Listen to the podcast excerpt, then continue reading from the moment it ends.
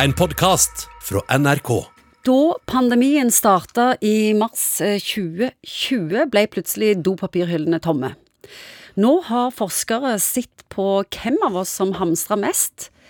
Myndighetene sa det ikke var nødvendig, men de gjorde det likevel. De kjøpte hermetikk og tørrvarer som eksempel knekkebrød og mjøl. Og Egon Hagen, hvem tror du blant folket vårt er de som hamstrer mest? Du tenker fort på det som kortsiktighet og grådighet, og at det derfor vi selvfølgelig har et negativt bilde av akkurat det der greiene. Det som er faktum, er at eh, den typiske hamstreren, han bor i en storby. Og vedkommende har ofte høy utdanning og litt høyere gjennomsnittsinntekt. Ble du overraska av det? Ja, egentlig ble jeg det. Jeg håper det. For du skulle tro at folk var litt trygge på seg, at det kom til å greie meg allikevel. Men det, det det sikkert tangerer, er dette planmessigheten. Sant? Dette er folk som da har eh, f- kommet først i køen og konkurrert for å komme inn på noen gode skoler, og fått noen flotte utdanninger og alt dette. Og så drar de med seg den samme personlighetsdisposisjonen òg i forhold til det med konsumvarer og innkjøp. De tar ingen sjanser på at dette går dårlig, og de sikrer seg. De planlegger for framtida, og så er de mer opptatt av å beskytte seg mot smitte. Det var så mye som én av fem som hamstra. Gjorde du?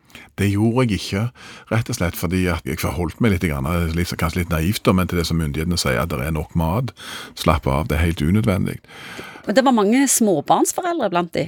Kan jo sikkert folk tenke sjøl òg, at hvis du har små barn der med bleier og neste glass, og plutselig frykten for at disse små sårbare skal ikke få alt det de trenger, var sikkert en ganske skummel følelse for mange småbarnsforeldre. Du gjør alt. Det er som en bjørnebind og med unger, altså bare gjelder å holde seg vekke. For det er litt det samme med disse unge møter med barnevogner. altså Det er jo bare å rygge unna hvis de kommer inn på en kafé og du sitter der. Så disse har sikkert òg tatt vare på, på ungene sine i forhold til det med innkjøp, vil jeg tro. Hva kan vi si om eh, generasjoner og hamstring? Altså foreldrene våre som aldri kasta en tom isboks eller et syltetøyglass. Ja, men du ser jo det litt. Grann. Alle husker vel besteforeldre hvor disse gode syltetøyglassene som ble brukt og ble gjort om til drikkeglass og plastikkposer som ble skylt på det der og der. Jeg tror at hvis du får noen sånne opplevelser sånn, så setter seg liksom i ryggraden din at eh, penger og ressurser er en enorm knapphet, så, så er det vanskelig å riste det av seg. Det, liksom, det, svir seg inn liksom i hele DNA-en din. Og hvor vi som har vokst opp i en mer sånn forbrukstid hvor alt var disposable og alt Og alt er tilgjengelig, vi har råd til alt. Har råd til alt. Det sitter ikke i ryggmargen på samme måten. Så noe av dette greiene, sparsommelighet, kjøpe ti franskbrød sant, fordi de er på tilbud, og så fryser du de, men de er jo ikke noe gode etterpå. Spiller ingen rolle, det er ti billige franskbrød likevel. Der er ikke meg og deg. Men sånn var det jo faktisk litt gjerne før. Men hvem er disse hamstrerne som vi ser TV-programmer om? De som må ha hjelp av bulldoser holdt på å si, til å ta ut alt søppelet. Hva det handler om? Ja, det er jo noen som det raser for, sant, som ikke greier å Psykisk sykdom er jo mange Du kan se at det er kaos på innsida. Altså, greier ikke å kvitte seg med ting, verken minner og erfaringer, men også i forhold til faktisk fysiske ting. Så hvis du får et rusproblem, eksempel, eller sånt, og vi har jo sett det litt her i, i Stavanger, at noen som, som det virkelig rakner for, så ser du òg at det rakner veldig på utsida, og at det blir en sånn en, en enorm svinesti, egentlig.